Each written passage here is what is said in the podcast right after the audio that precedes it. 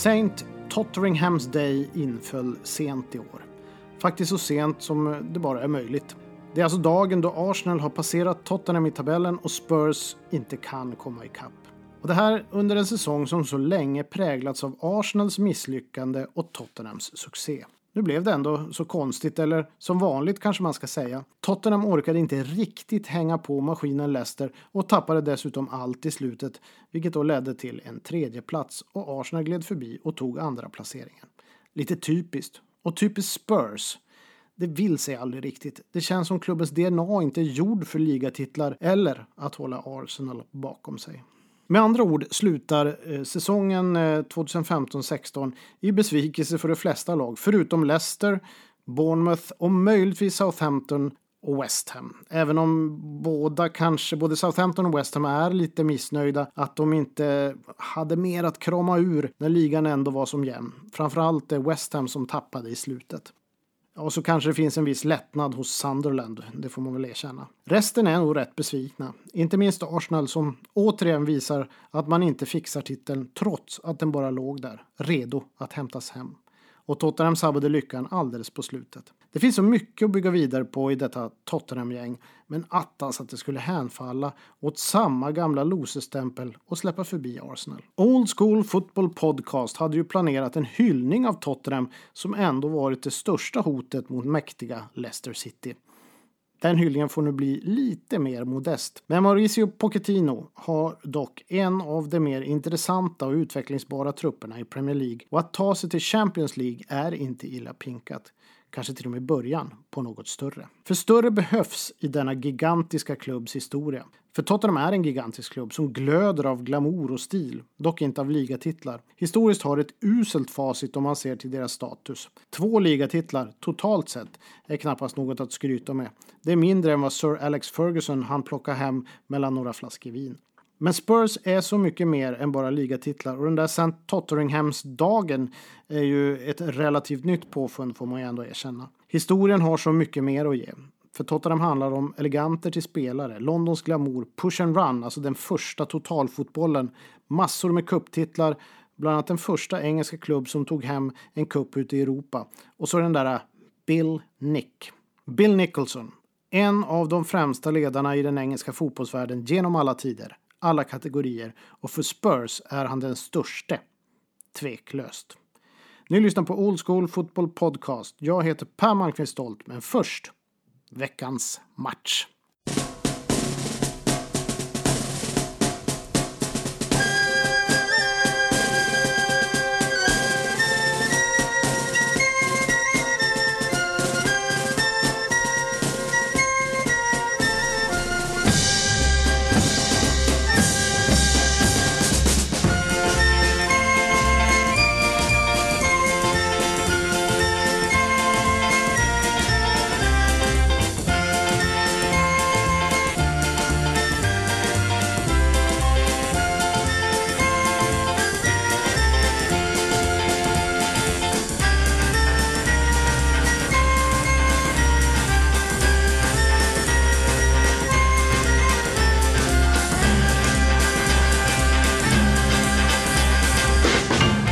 Lämnar Tottenham och Bill Nicholson för en kort stund, men inte 60-talets England, alltså den tiden då Bill Nick själv var aktiv som manager. Vi beger oss istället till en drabbning som blev ökänd och länge lite av en skamfläck för ligan.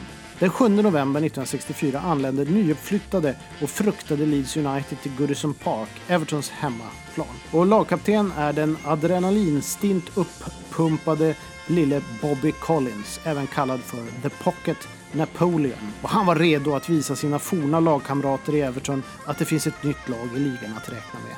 Och det hela skulle leda till The Battle of Goodison.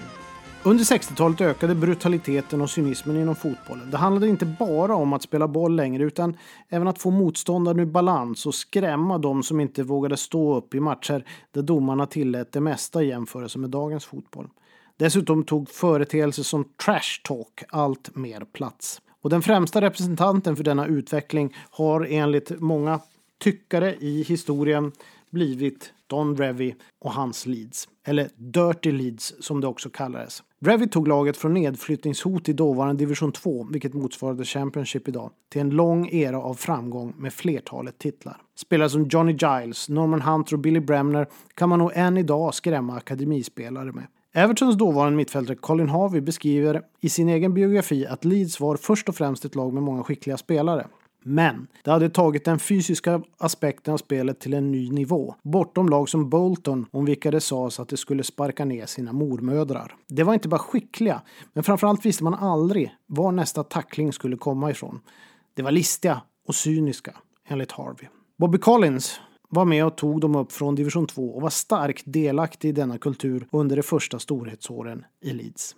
Men Everton var knappast några duvungar med spelare som Johnny Morrissey som inte alls hade några moraliska begränsningar på en fotbollsplan. Faktum var att två månader innan matchen mot Leeds hade domare Mr G.E. Carr samlat samtliga 22 spelare från Everton och Manchester United i mittcirkeln på Old Trafford för att tala om till rätta efter osedvanligt fult spel. Lägg därtill att Goodison Park kunde vara ett ännu mer skrämmande ställe att komma till då än vad det är idag, så har ni scenen för ett regelrätt krig. Leeds mittback Jackie Charlton, som för övrigt eh, sades föra en liten svart bok med eh, noteringar om vilka han skulle märka eh, i andra lag, konstaterade att när till och med Evertons anfallselegant Alex Young, även kallad för The Golden Vision som han gjorde en, en dramadokumentär om faktiskt 1968. När Alex Young tacklade hänsynslöst så visste man hur det skulle sluta. Efter några sekunder blev Evertons centerforward Fred Pickering nedsparkad och klockan stod på fyra minuter när Johnny Giles och Evertons vänsterback Sandy Brown kolliderade i en sanslös utmaning. Goodison Park fick ett utbrott och Brown klagade något om dobbar i bröstet och skickade sedan iväg en vänsterkrok mot Giles. Domare Ken Stokes hade inget annat alternativ än att visa ut Brown. Än idag är det den snabbaste utvisningen för en Everton-spelare i en A-lagsmatch. Publiken började kasta in saker på plan, men matchen fortsatte och efter 14 minuters tryck från Leeds, ja eller den fotboll som spelades mellan otaliga frisparkar, skickade Bobby Collins in en frispark mot Leeds vänsterback Willy Bell och det stod 0-1 inför en rasande publik. På plan pågick en rad dueller, eller vad man nu skulle kunna kalla det, bland annat mellan Evertons eh, vildhjärna får man säga, Roy Vernon och Leeds eh, skotske tok Billy Bremner. Collins hade Eh, sedan ytterligare en frispark som Evertons målvakt Andy Rankin gjorde en jätteräddning på. Det flög inte bara in saker från publiken utan tacklingar från lite varstans och överallt. De flesta skulle i dagens läge ge rött kort på direkten. Snart var det dock dags för halvlekens och matchens klimax. Målskytten Bell och Evertons elegante ytter Derek Temple kolliderade med varandra i hög hastighet. Publiken och Evertons spelare såg att Bell gick på spelare snarare än på boll. Då exploderade Goodison.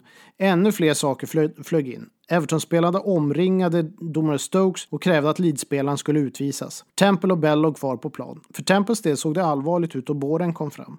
Leeds-tränare Lee Crocker sa åt Bell att ligga kvar och krävde en till bår.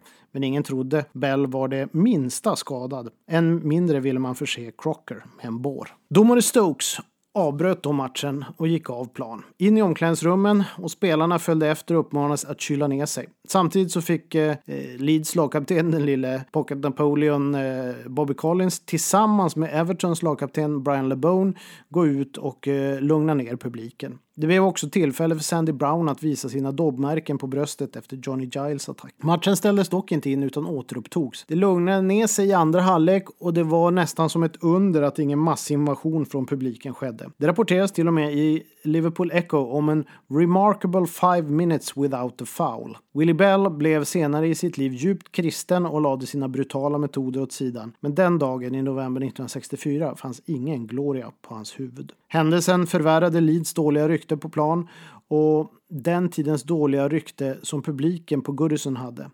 Men det är också en symbol för hur det kunde gå under en period då fotbollen var som värst. Glory, glory,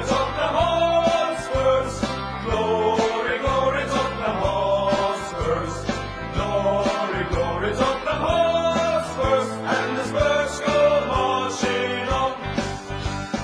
Tottenham are the greatest.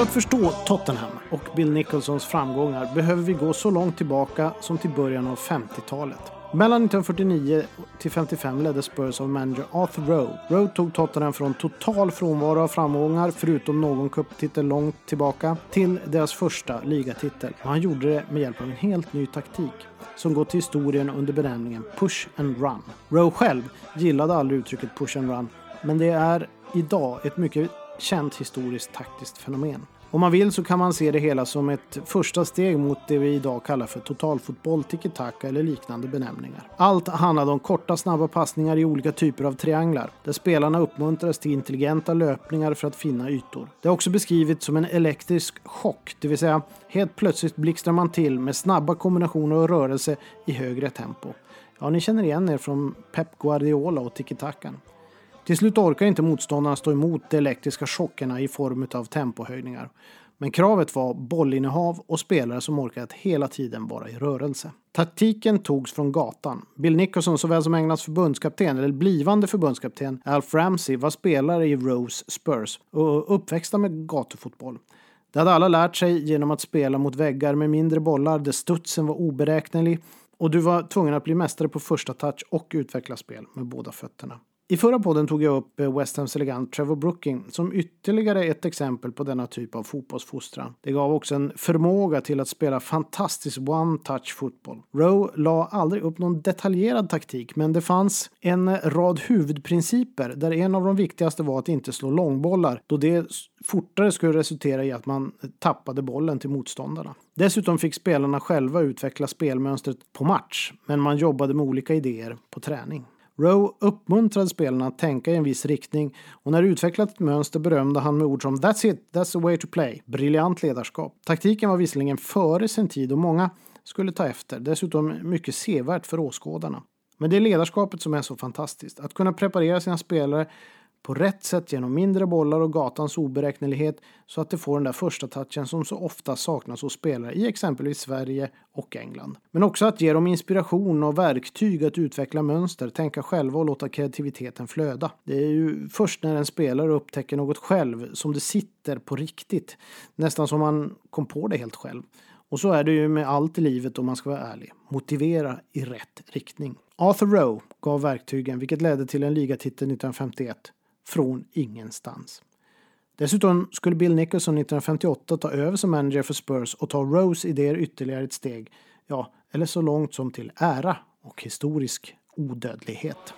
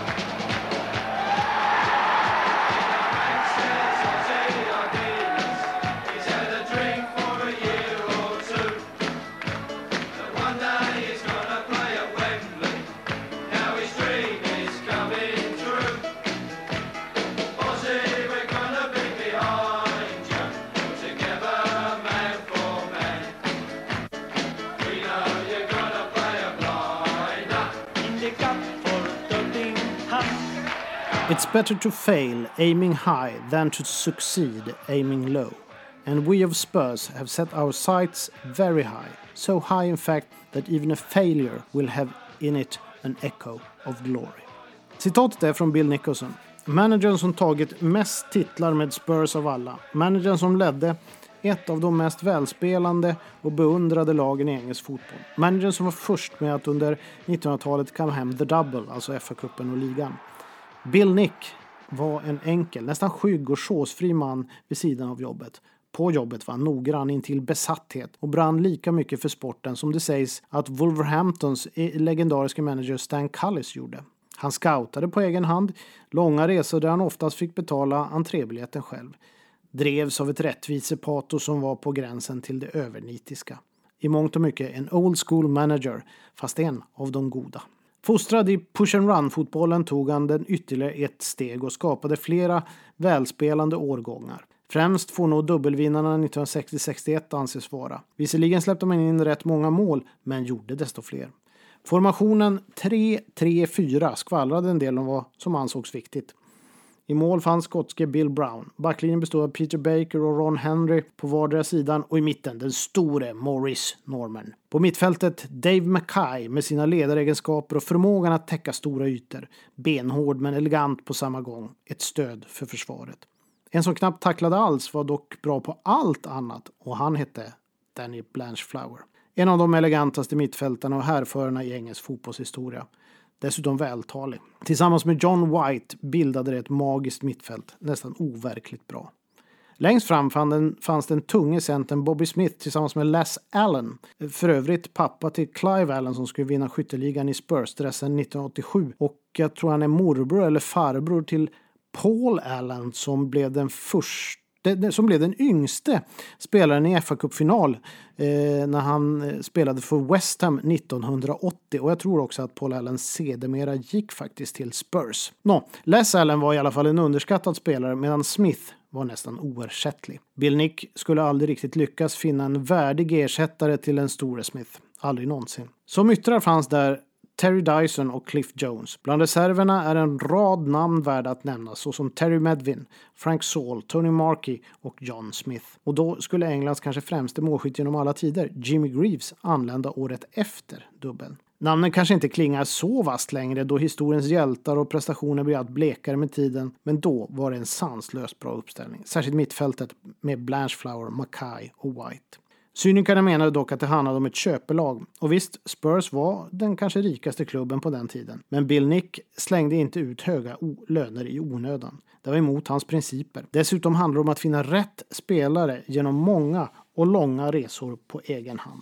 Det gällde alla managers. Eh, några extremt utvecklade scoutingnätverk fanns ju inte. Så pengar hade begränsad kraft och det handlade om att finna rätt spelare vid rätt tidpunkt och man var tvungen att upptäcka det själv.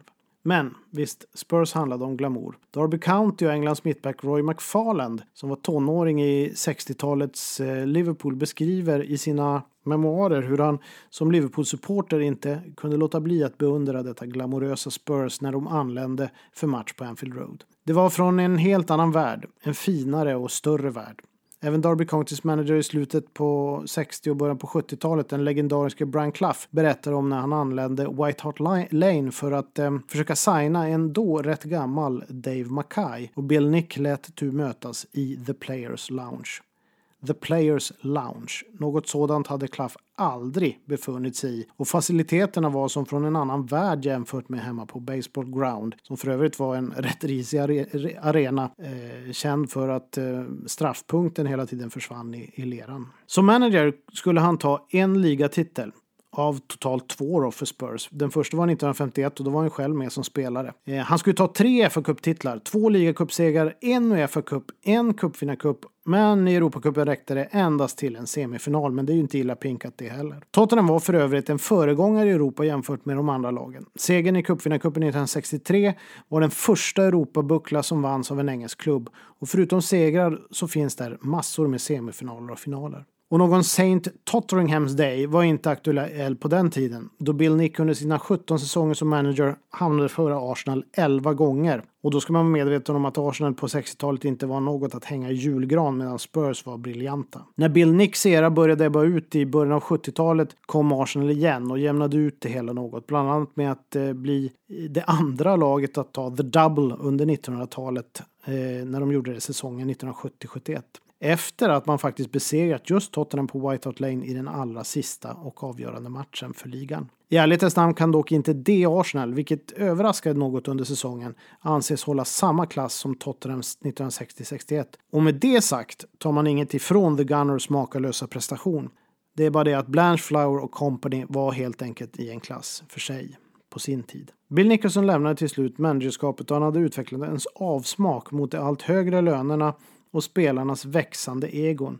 Men framförallt förfärades han av huliganismen. Efter eh, förlusten i Uefa-cupfinalen 1974 mot Feyenoord var måttet rågat då han med egna ögon bevittnat huliganernas vedervärdiga beteende. Något som fick fotbollens evigt brinnande låga att slockna i hans ögon. Han skulle komma tillbaka till Tottenham när Keith Birkinshaw blev manager 1976, då i egenskap av rådgivare, vän och scout. Han var bland annat delaktig, sägs det i alla fall, i Birkinshaws fynd av de två argentinarna Ricardo Villa och Osvaldo Ardiles. En del säger att han var med på kontoret när, när eh, samtalet kom att de var lediga från eh, Harry Haslam, en eh, manager från Sheffield United som både Birkinshaw och eh, eh, Nicholson kände. Och som i sin tur hade en argentinsk eh, som såg till att eh, ha ett nätverk i Argentina. Men Bill Nick fann också diamanter som Graham Roberts, Tony Galvin, Gary Mabbott och inte minst Glenn Hoddle. För mig är Bill Nick en av fotbollens stora apostlar som la grunden för allt vi senare byggt vidare på genom Tips Extra och lett till att engelsk fotboll har en sagolik klang i våra hjärtan. Det är herrar som Bill Nicholson, Alf Ramsey, Matt Busby, Bill Shankly, Harry Catterick, Stan Cullis, Joe Mercer, Ron Greenwood, Don Revy och kanske ytterligare någon, vilka sedan efterföljdes av 70-talets Brian Clough och Bob Paisley med flera idel ädel fotbollsadel. I slutet på eh, 60-talet genomförde författaren Norman Giller en undersökning med managers, eh, coacher och spelare där man utnämnde de sex bästa klubbarna under decenniet och resultatet blev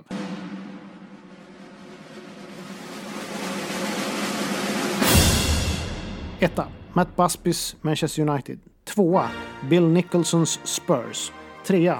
Don Revis Leeds United. Fyra. Bill Shanklys Liverpool. Femma Ron Greenwoods West Ham och sexa Harry Cattericks Everton. Rätt väntat. Möjligtvis kan West Ham vara lite av en överraskning då vi har rätt risiga ligaplaceringar på den tiden. Men det hade magiska lir lirare och tog hem ett par kupper. Skulle också vilja dra en lans för Manchester City som i slutet på decenniet hade ett kanonlag och tog hem ligan och FA-cupen. Old School Football Podcast i väntan på lördag. Skål på er!